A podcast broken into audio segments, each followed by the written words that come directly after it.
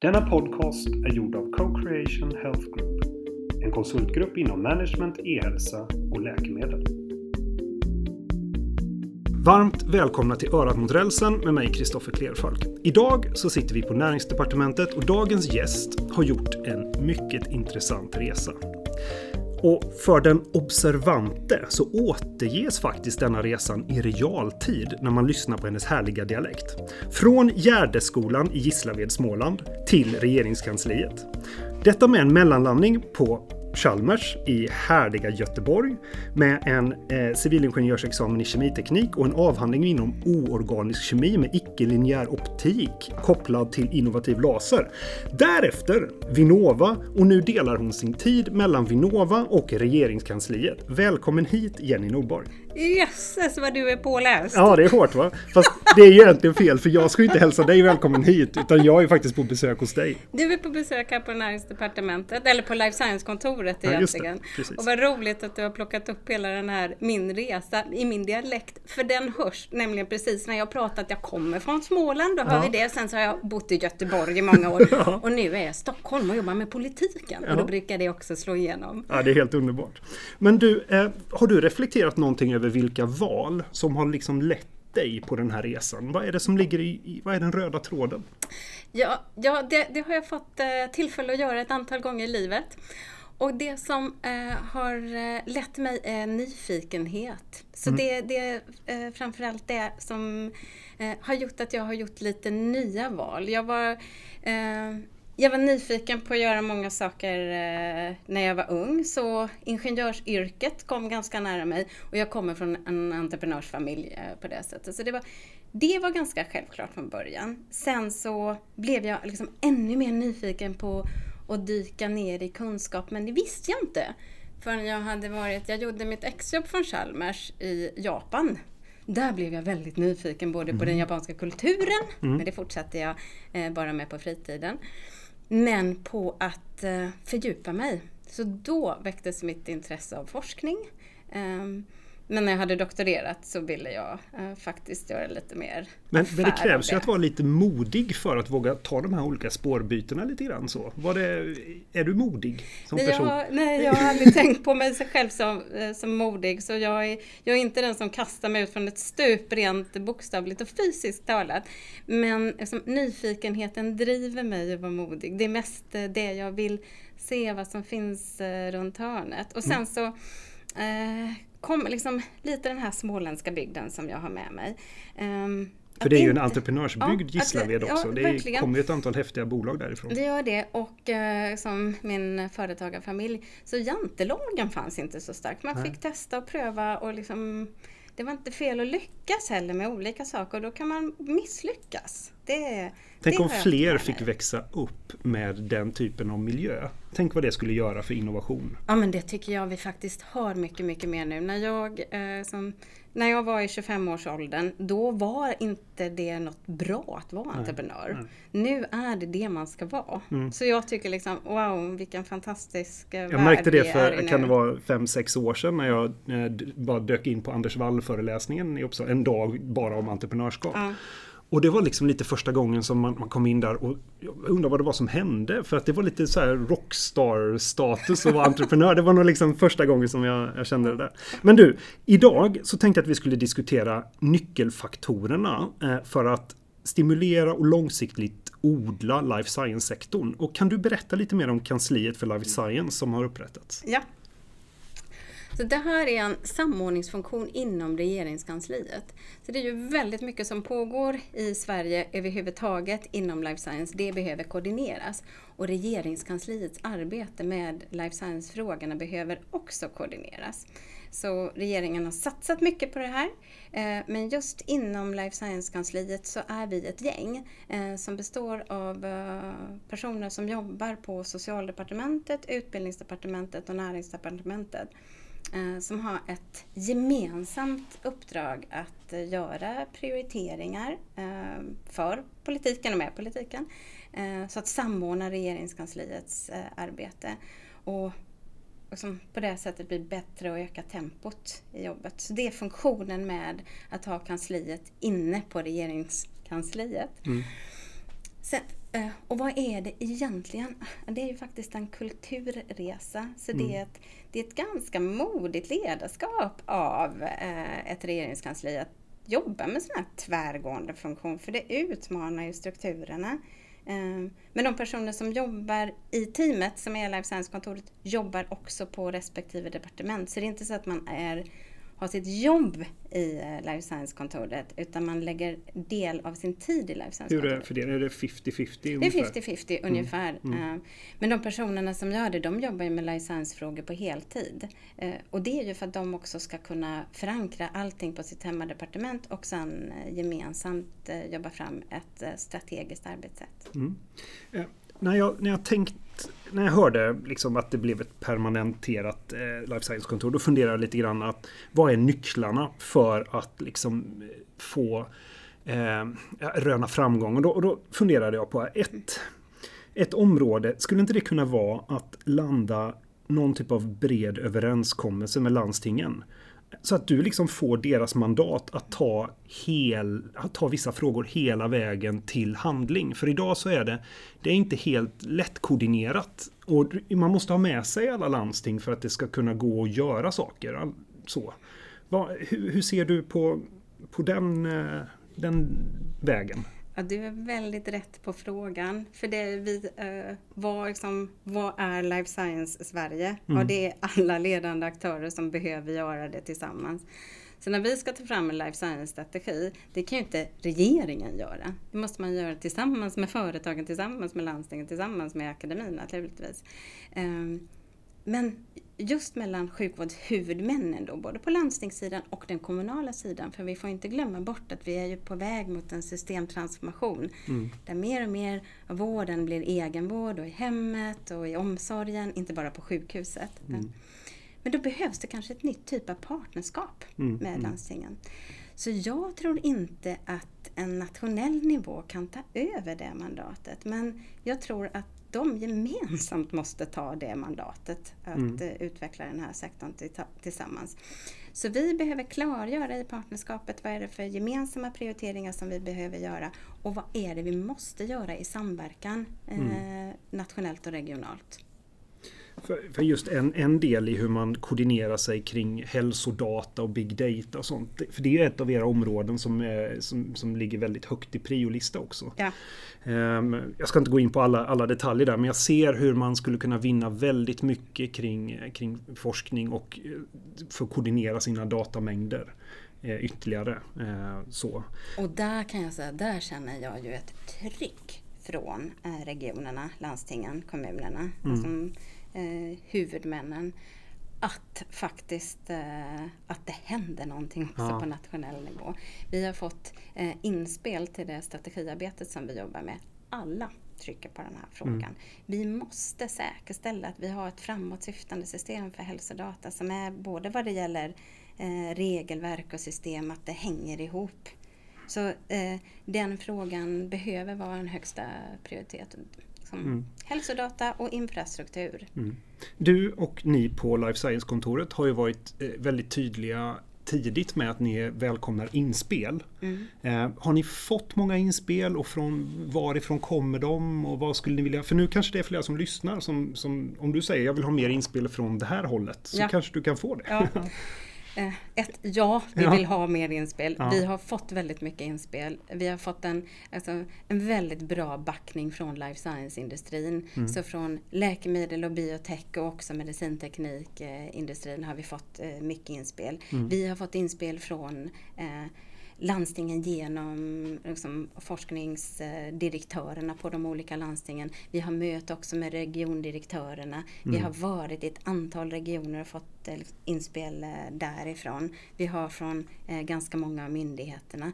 Vi skulle väl kanske vilja ha lite mer samlat också. Eh, både från akademin, mer konkret också i mm. handling kring. Eh, ja, är, så när jag pratar det om det här liksom. partnerskapet liksom. så för jag ju också en dialog med eh, landstings och regiondirektörerna. Och det fina nu är ju att alla blir faktiskt regioner, då får de också ett utvecklingsansvar. Och för regionerna så ligger utvecklingsansvaret inom life science-frågorna väldigt nära eftersom de också har sjukvårdsfrågorna. Mm. Um, att få deras eh, handshake på vad är det vi ska göra i det här partnerskapet gemensamt. Vad förväntas från nationell eh, nivå? Mm. Det behöver vi få mer om. Men det är särskilt alltså, det mest utmanande att uh, få inspel från att känna sig adresserade. Det är de det berör mest. Det är mm. liksom befolkningen om man mm. säger så. Mm. Så från patient, individ, anhörighåll så behöver vi mycket mer. Så de har faktiskt uh, ordnat en som separat workshoparbete med för att kunna tanka av uh, duktiga företrädare som kan ha en systemsyn men också kan bli konkreta i det arbetet. Så det är den ena delen. Mm. Och den andra delen är från både från från omsorgssidan, den kommunala vården som är så stor del av arbetet. Hur ser de liksom på eh, det här området tio år fram i tiden? De är väldigt mycket här och nu. Ja, de känner sig ja. inte adresserade av life science som ord. Men när vi pratar välfärdsteknik, eh, digitalisering, möjligheter, på det sättet intelligenta beslutsstöd, då är de så. Ja, ja. Det där jobbar de med ganska mycket. Vi hade ett eh, möte i Luleå för ett par veckor sedan som eh, socialtjänsten där hade bjudit in till. Sen var regionen och sjukvården och akademin också med vid, vid samma möte men inbjudan kom från ett annat håll. Och där de kunde visa på väldigt som strategiskt hur de jobbar med, har testat, gjort väldigt mycket piloter och sen lyckats förändra mycket hur de jobbar så de tjänade både kvalitet och effektivitet i, i resor med Eh, helt eh, digitala förlopp och också med liksom, nya virtuella system, användning av artificiell intelligens. Vi pratar äldreomsorgen mm, i mm. Eh, Norrbotten. Ja. Eh, men de, alltså, när man bara får en känsla för vad är det de ser i framtiden, de har ju liksom, glesbygden, de har en väldigt ja. åldrad befolkning. De det är många pratar, utmaningar där som gör att de, de måste de gå. De har utmaningar, men när man ska vända utmaningar som ordet makt också, ja. då pratar de om sitt eh, eh, om det försprång eh, som de har i att de har en väldigt åldrad befolkning i glesbygd. De måste lösa det nu. Mm. De kan sen vara med och driva på utvecklingen för de har redan testat och implementerat. Ja. Och det är mycket, alltså runt om i Sverige, det händer så väldigt många bra positiva saker som vi, om vi koordinerar ihop dem bättre, kan få att skala. Det, det är något jag har sett i, i ganska många år. Ja. Att det finns väldigt många bra projekt som borde få spridning i fler landsting. Än, än just det landstinget som det där bra projektet har, har ägt rum i. Då. Ja. Och där kan det vara lite svårt för att alla vill göra sin egen grej. Mm. Lite grann. Men det, det är kanske en hel, helt annan podcast. Men det har ju en annan, eh, det har ju en annan implikation också. I och med att vi inte samlar ihop det och synliggör det så talar vi inte om för omvärlden globalt hur starka vi faktiskt är på vissa områden. Vi är inte så bra på att eh, vi är inte bra på att skryta men vi är inte ens bra på att tala om vad vi gör. Nej. Och det är eh, det är någonting som vi måste bli bättre för. Liksom. Den globala konkurrensen är knivskarp mm, och ska mm. vi fortsatte vara den här riktigt attraktiva hubben vi är så behöver vi visa på de lösningarna. På tal om internationell attraktivitet så har vi ju sett en kontinuerlig dalande trend för kliniska prövningar i Sverige. Och, och varför, kära lyssnare, varför är det här då ett problem? Jo, för om vi har många kliniska prövningar så får vi introduktion av nya läkemedel tidigt in i vårdkedjan och vi får liksom en kunskapsmängd med de här nya läkemedlen rakt in i, i sjukvården till patienterna. Och I Sverige så har vi historiskt varit väldigt väldigt duktiga på kliniska prövningar och attraherat många kliniska prövningar till Sverige. Men nu så går det kontinuerligt ner. Vad, hur ser du, hur skulle vi kunna stimulera det här? Vad finns det för recept? Liksom? Ja, alltså dels eh, just att jobba med klinisk forskning det är ju verkligen avstamp och det har politiken uttryckt väldigt tydligt också i, i starten på Life Science-kontorets arbete att det här är någonting som vi behöver jobba med. Så kliniska studier är ju ett superviktigt verktyg också för att det skapar en kultur på hur man jobbar med nya innovativa behandlingsmetoder.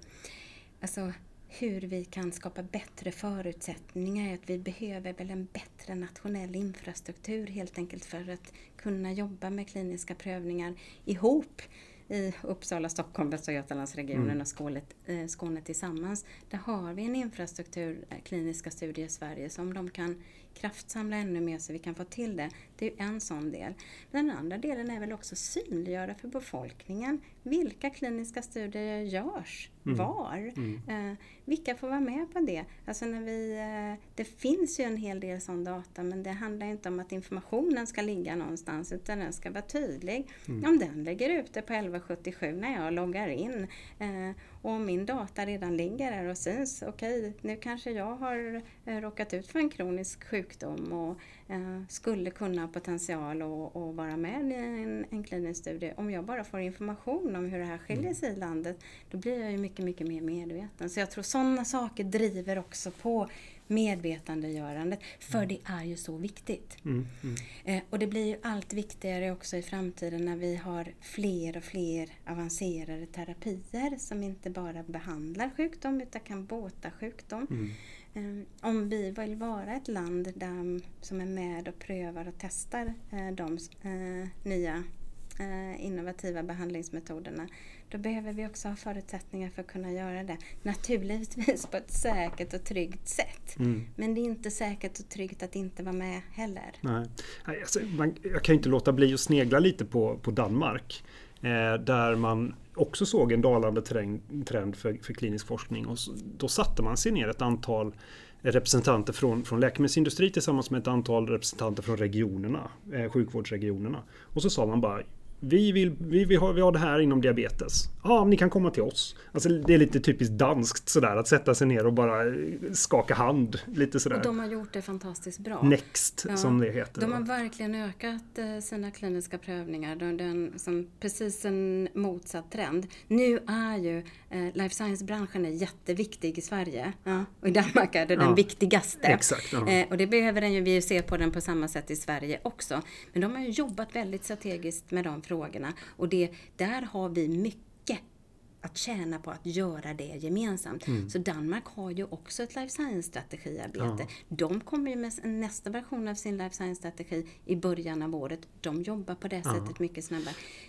Så vi samarbetar ju också. De vill jobba med oss mm, också mm. vad det gäller kliniska prövningar. Ja, det finns ju kraft att, att ta av varandra där. Men de, när de lanserade sin, eh, den första versionen av Life Science-strategin i mars i år eh, så kom de med 36 konkreta punkter för att ta Danmark till en ledande life science-nation eh, i Europa. Och bland annat har de då eh, skatteavdrag på 110% för forskningsinvesteringar. De har slopade avgifter för kliniska prövningar. Och det är liksom bara två av de 36 förslagen i planen. Eh, det jämfört då med svenska Läkemedelsverket som annonserar att man ska höja avgiften för kliniska prövningar till det dubbla. Alltså det här, det här blir ju liksom så här man, man, blir lite, man blir lite trött. Liksom. Ja, men de, och, och de där... exemplen som du ger, det är ju bara två av de exempel som visar på att vi måste stå oss i konkurrensen. Ja. Vi måste ha ett svenskt erbjudande som kanske inte är likadant, men som eh, på de här punkterna också mm. är konkurrensmässiga. Sen ska man komma ihåg att den, eh, den danska life science-strategin, det är en strategi för näringslivet som vi började prata om så behöver vi kanske mer skapa en, en strategi som är life science i samverkan. Mm. Och det är för att vi inte ska liksom Do you want to walk fast or do you want to walk far? Ja, och vi, ja. har liksom, vi tar ett helhetsgrepp och, och, ser till hela det här systemet. Ja, vi behöver absolut jobba med några snabba vinster nu också. Mm, mm. Men vi ska långsiktigt vara en attraktiv life science-nation. Och då tror jag jättemycket på att vi ska kunna göra lite gemensamma prioriteringar och också ha med eh, vården och omsorgen i förarsätet för att utveckla den eh, mm. testmarknad som vi vill vara men inte testmarknad på det sättet att vården är en passiv testande organisation utan verkligen är med eh, och leder arbetet i förarsätet. Mm. Ja, men jag, jag gillar ju dina svar Jenny. Jag måste säga det. Det, det är ju det är ju extremt viktigt att ta ett, ett helhetsgrepp när man har chansen att göra det. Eh, lite som Storbritannien faktiskt eh, har gjort på ett väldigt bra sätt. Det är ju eh. med inspiration från Storbritannien som Sverige har satsat ja. på ett life science-kontor. Mm. nu, nu, är du inne lite grann på, på den life science-strategin som ni ska presentera här om några månader. Vad kan, vad kan man förvänta sig av den? Kan du liksom glänta på någonting i innehållet? finns det några sådana här några saker som liksom har utkristalliserat sig i ett arbete? Ja, jag kan ju eh, i och med att vi har jobbat med inspel och dialog mm. så kan jag ju åtminstone prata om de inspelen som vi får och vad, mm. det, eh, vad det står där. Vi har redan pratat om det. Mm. Alltså, en, dels, en, den här life science-strategin behöver vara en strategi i samverkan men med en tyngdpunkt på vad ska vi vara eh, i framtiden? Så både utifrån den som globala konkurrensen, vad är svenska styrkområden och vad är de framtida svenska styrkområdena? Så med det i, i fokus då, vad är det då som en life science-strategi 1A måste innehålla? Mm. Eh, ta tag i hälsodatafrågan. Det är mm. liksom mm.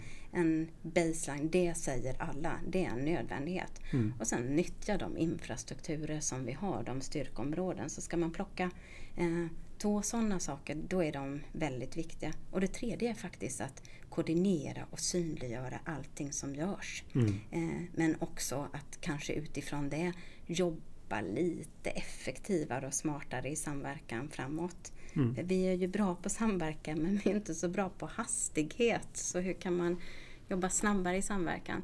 Och kanske det faktiskt är genom att tydliggöra roller, mandat, prioritera tillsammans vad ska ingå i ett partnerskap och sen köra på det. Mm. Det är som mina funderingar men sen så behöver vi också naturligtvis ha uh, politiken ja. för att genomföra det. Ja. Ja, vi kan väl hoppas att politiken landar här snart. Det är ju, det är ju lite stökigt som Men det är just nu. regionalt har politiken ja, väldigt ja. mycket landat. Och ja, kan, inte, kan man inte dra från nationellt håll så gör man ju det från regionalt håll. och det ser jag väldigt positivt eh, på. Jag funderar lite grann på hur du lyckas med att dela din tid så här. För då när du klev in i det här så kunde du lämna över vissa ansvarsområden och delar på Vinnova. Så du, för nu jobbar du 50% där och 50% med, på Life Science-kontoret. Hur, hur, är det här liksom möjligt? Liksom? Hur är det möjligt att ha två jobb med övergripande ansvar? Så jag är avdelningschef för hälsa på Vinnova också. Ja. Eh, det är inte enkelt. Eh, å andra sidan så gäller det ju i det här arbetet att sortera och prioritera och ha en bra planering och bra folk eh, runt omkring sig. Så det, jag kan säga att det har gått klart över förväntan. Ja, vad skönt. Sen finns det så många olika synergier eh, med att eh, jag jobbar ju väldigt mycket med eh, hälsa, life science, systemfrågorna naturligtvis på Vinnova också. Så där finns det mycket synergier. Mm. Och jag har ett, där har jag ett effektivt team. Och på life science-kontoret så har jag ett effektivt team. Och Eh, Life Science-kontoret är ju inte bara de personerna som jobbar dagligdags med arbetet utan har tillgång till väldigt stora delar av regeringskansliets kompetens. Mm. Ja, du måste, det, det, gäller ju att använda alla de krafterna ja. och koordinera mer än att göra allt själv. Liksom. Så jag tror väl att man liksom, genom att stå på två ben står man ganska stadigt. Och mm. det tycker jag finns mycket vinster med att göra. Ja, ja, jag, jag kastar ju lite sten i glaset. Jag är väl engagerad i 13-14 organisationer själv. Ja. Så att, det, men det är ju, det är ju inte, helt enkelt. det är inte helt enkelt. Nej, jag säger inte att det är enkelt. men att eh, det, det, går ju inte heller att låta bli. Jag hade ju jobbat så många år eh, på Vinnova med eh, att finansiera eh, och jobba med innovationer och sett eh, många spännande idéer men också sett några riktigt framgångsrika saker som mm. skulle kunna skala ännu snabbare. Så ja. min drivkraft för att göra det här jobbet är för att vi ska få till en bättre implementering eh, av innovation. Det, det, det, låter som musik i mina öron för i mitt arbete med startup-scenen då, jag driver en sån här coworking space i Uppsala för techbolag bland annat och, eh, och jag engagerar i ett antal tech, medtechbolag och sådär. Eh, det som jag ser och möter är en otrolig innovationskraft som finns där. Och det som skulle vara så fint är om man kunde hitta och nyttja den bättre i, i den offentliga sfären. Så, och, eh, när, när jag träffade Darja innan hon, Darja Isaksson då som nu är GD på, eh, på Vinnova. Eh, innan hon blev GD så sa hon att har du ett medtechbolag och behöver få det att flyga så måste du gå utanför Sverige. Det kanske hon inte säger idag. Men det säger ju liksom en del om att det är ganska svårt att komma in och det är svårt att, eh, att liksom Kommer du in på en kommun, ja men då är det en kommun av alla andra. Det finns väldigt många kommuner och det blir svårt att jobba mot varje. Kommer du in på ett landsting så är det också en begränsad, en ganska liten del sådär. Eh, och Eh, ser du att det kan finnas något spår i life science-strategin som, som gör att man kan liksom koppla ihop den här innovationsstarka eh, delarna med, med det offentliga så att man liksom får en, en i högre grad en eh, samkörning? Liksom? Jag tror att vi behöver titta mycket mer på incitament för att implementera redan utvärderade innovationer som du säger. Bara för att det är testat och utvärderat i Linköping så betyder det inte alls att du bara kan införa det i Uppsala. Testa och pröva ut igen. Um, och det är ju kanske inte riktigt meningen nej, eh, att nej. det ska behöva vara så. så eh, men jag ser också lika många sådana hinder som jag ser. Lika många goda exempel finns jag, eh, ser jag faktiskt från landsting och regioner. Eh, på kommunsidan också, som vill vara en innovationsmotor och som nu faktiskt testar och prövar och, och utmanar regelverken. Men jag tycker det är väldigt kul att höra dig som eh, entreprenör i en massa bolag eh, som inte säger att eh, det bara är finansiering som är problemet eller det är bara de här sakerna som är problemet. Det är systemet som är problemet. Ja, men alltså, och nu de, mm. de, senaste åren så har vi haft en konjunktur där att få investeringar har blivit lättare och lättare. Ja. Eh, så det, det, svåra kan vara att hitta en bra kund. Mm. Inte att hitta finansiering från, från eh, eh institut eller institutioner. Och det är, liksom, det är generellt sett så ju, att eh, för att bli eh, framgångsrik så är det ju inte helt fel om man har en eh, snabb adaptiv hemmamarknad som man kan skala på Nej. globalt. Och ska vi vara en ledande life science-nation så behöver vi skapa de förutsättningarna. Och vi är ju så långt framme med vår Alltså på, på så många plan är vi ett väldigt utvecklat samhälle.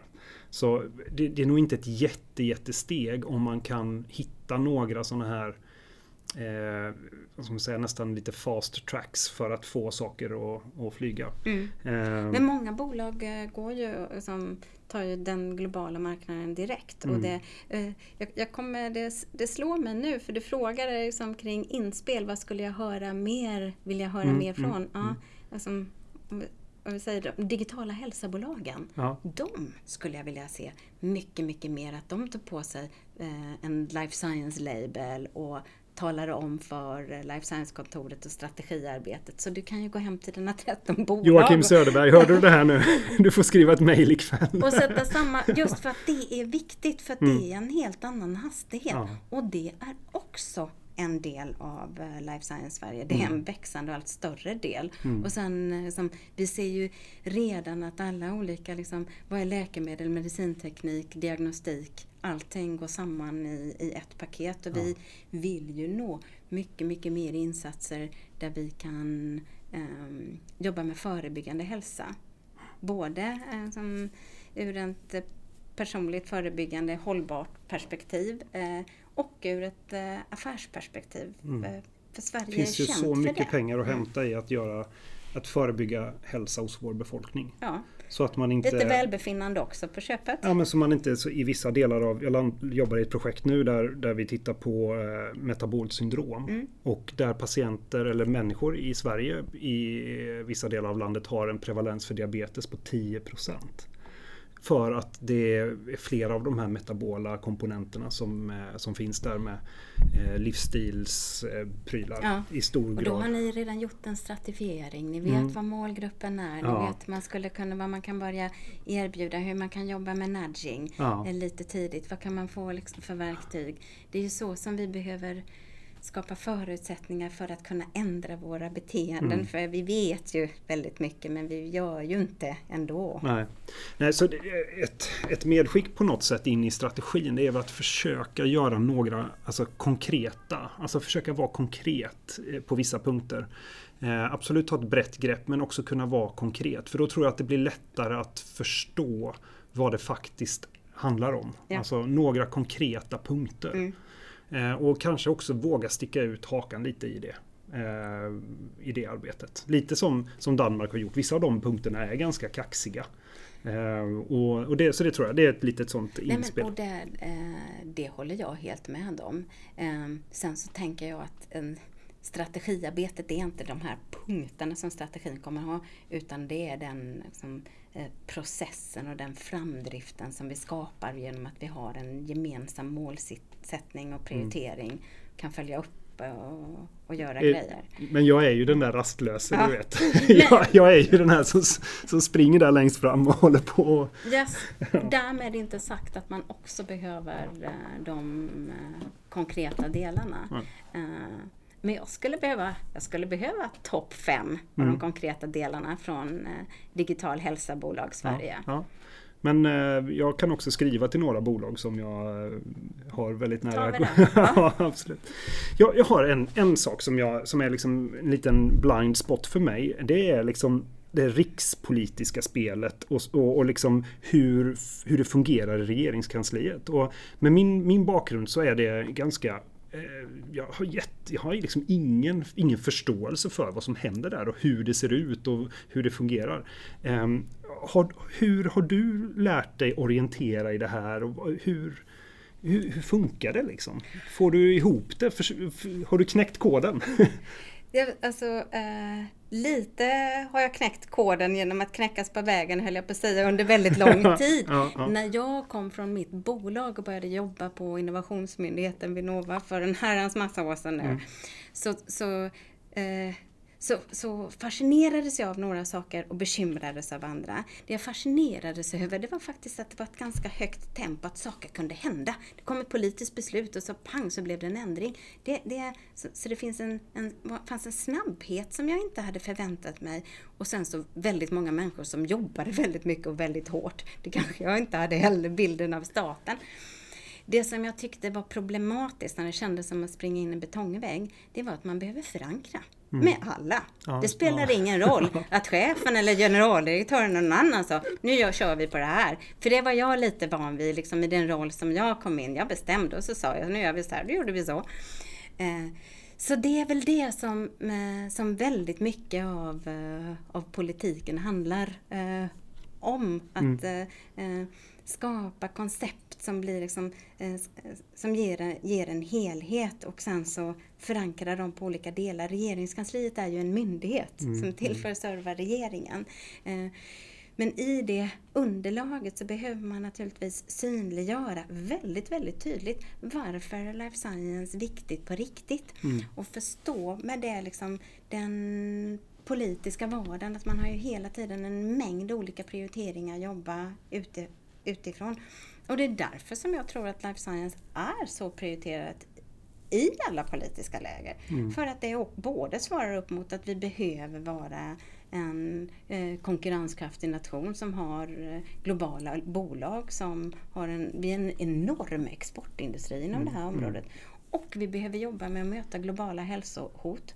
Och vi behöver jobba med att lösa våra liksom, stora ekonomiska utmaningar inom som hälso och sjukvårds och omsorgssektorn så vi kan bibehålla den ledande kvalitet som vi har i många delar. Mm.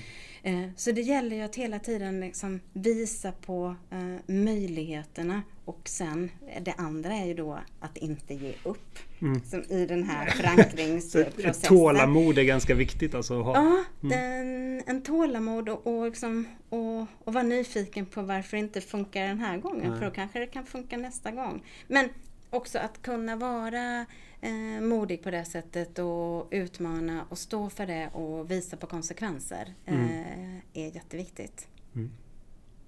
Är det någonting som du vill liksom skicka med till, till lyssnarna nu som du, som du liksom har funderat på eller något, något avrundande, concluding remark? Är det någonting? För nu har jag ju ställt massa frågor. Sådär. Ja, men alltså, ja, det jag vill skicka med det är att eh, när vi jobbar med sånt här eh, koordineringsarbete inom regeringskansliet eh, så behöver vi ju få till oss allt det som pågår. Så mm. det är därför som vi har haft liksom, vi har tagit fram en färdplan för life science. Den är ingen förlaga till en strategi, den är bara en inbjudan till eh, dialog. Mm. Så vill man har ett bra strategiarbete så gäller det att vara med och bidra i mm. det. Som mm. komma med riktigt kvalitativ input hur man ser på, på mm. saker och ting. Både ett nationellt men också ett globalt perspektiv. Mm. Jag skulle behöva väldigt mycket. Vi sitter gärna i Sverige och tittar på oss själva. Ja. Men vi skulle behöva sätta oss på andra sidan jorden mycket mer och prata med dem och titta på oss själva. Så den typen av, av input så behöver jag uh, behöver vi få med. Det skulle jag verkligen vilja skicka med. Och det andra är ju det här att eh, det här är liksom life science arbete kan bara göras i samverkan. Vi behöver jobba med den svenska modellen men vi behöver göra det lite mer effektivt. Så om alla som har ett mandat eller tar ett mandat mm. faktiskt gör det mm. eh, i det här arbetet och ser att det blir liksom bara eh, vinst om alla bidrar. Nej, alltså, och, och, och, som ett bolag också, du säger vad kan jag mm. göra som ett mm. enskilt bolag eller jag har 13 bolag så supermycket. Mm. Det är liksom att också vara med och synliggöra vad är det som funkar, vad är det som inte funkar. Att föra den eh, konkreta dialogen och stå upp för det. Mm. Visa upp. Absolut. De här prioriteringarna här, ja, är viktiga, ja. viktiga för oss. Om vi ska backa tillbaka till om vi ska prioritera en sak mm. som då är det ju att få data att funka. Det är mm. också en demokratifråga i förlängningen. Att vi ska få tillgång till både data och information som gör att vi kan fatta bättre beslut hela vägen. För det är ju faktiskt så, de som inte hörs och syns tillräckligt i de här sammanhanget det är ju alla oss som det berör, mm. eh, individen och personen. Vi är ju mitt inne och det är ju det som gör det här arbetet så spännande. Ja. En total samhällstransformation. Vi vet inte hur den här sektorn som har sett likadan ut sedan 50-talet, vi vet inte hur den kommer se ut om tio år. Och i det där arbetet så är det ju extremt viktigt att man går en en nogsam men lite offensiv balansgång när det gäller privat integritet. Så att man kanske som i ett hälsokonto då kan samla olika delar av ens journal och allting. Yeah. Så det är väl ett medskick till Datainspektionen om ni lyssnar på det här att man, man behöver och lagstiftarna att man behöver kanske ta, och vara, ta ett kliv där. För att när vi kan samla och aggregera data på ett säkert sätt och får göra det då, då kan vi ta ett kliv till. Ja, jag tror vi ska lyssna på på patienterna och på mm. dem. Alltså när Forska Sverige gör en sån studie, vilka vill vara med och dela sin, eh, sin data, då säger alla, mm. om det är 99 procent av befolkningen som när de förstår vad frågan säger, mm. eh, menar att man vill göra det, för då får man ju också till sig den information som man behöver. Så vad kan vi ha för verktyg att också sen kunna donera data? Vi kan donera mm. våra organ, men hur kan vi donera data, jobba med eh, samtycke på ett effektivt sätt? Men därmed inte sagt att inte personen eller individen ska kunna sitta i förarsätet för det. Jag mm. tror att vi, vi tappar bort oss ganska ofta i den här debatten för väldigt sällan handlar det här om individ och persondata förutom när jag behöver få den informationen mm. till mig själv. Utan väldigt ofta handlar det om data på aggregerad systemnivå mm. som vi behöver tillgängliggöra snabbare. Men jag ser ju fram emot att vi om tio, tio år också har mycket mer av realtidsdata i själva vårdmötet mm. tillgängligt vid eh, för att ta lite bättre beslut. Det finns ju exempel på där det finns och där det, där det blir ett eh, helt annat möte i vården när ja. man har tillgång till helt uppdaterade data. Men jag tänkte egentligen runda av lite grann och eh, som vanligt eh, kära lyssnare när ni har en idé om vad ni vill höra om så är det bara att ni hör av er till mig. Eh, så brukar jag kunna sy ihop det. Eh, och fram tills eh, nästa gång så får ni ha det så alldeles utmärkt bra. Och tack så mycket Jenny för den här pratstunden. Tack till dig. Ja, då så. Hej då. Hej då. Denna podcast är gjord av Co-Creation Health Group. En konsultgrupp inom management, e-hälsa och läkare.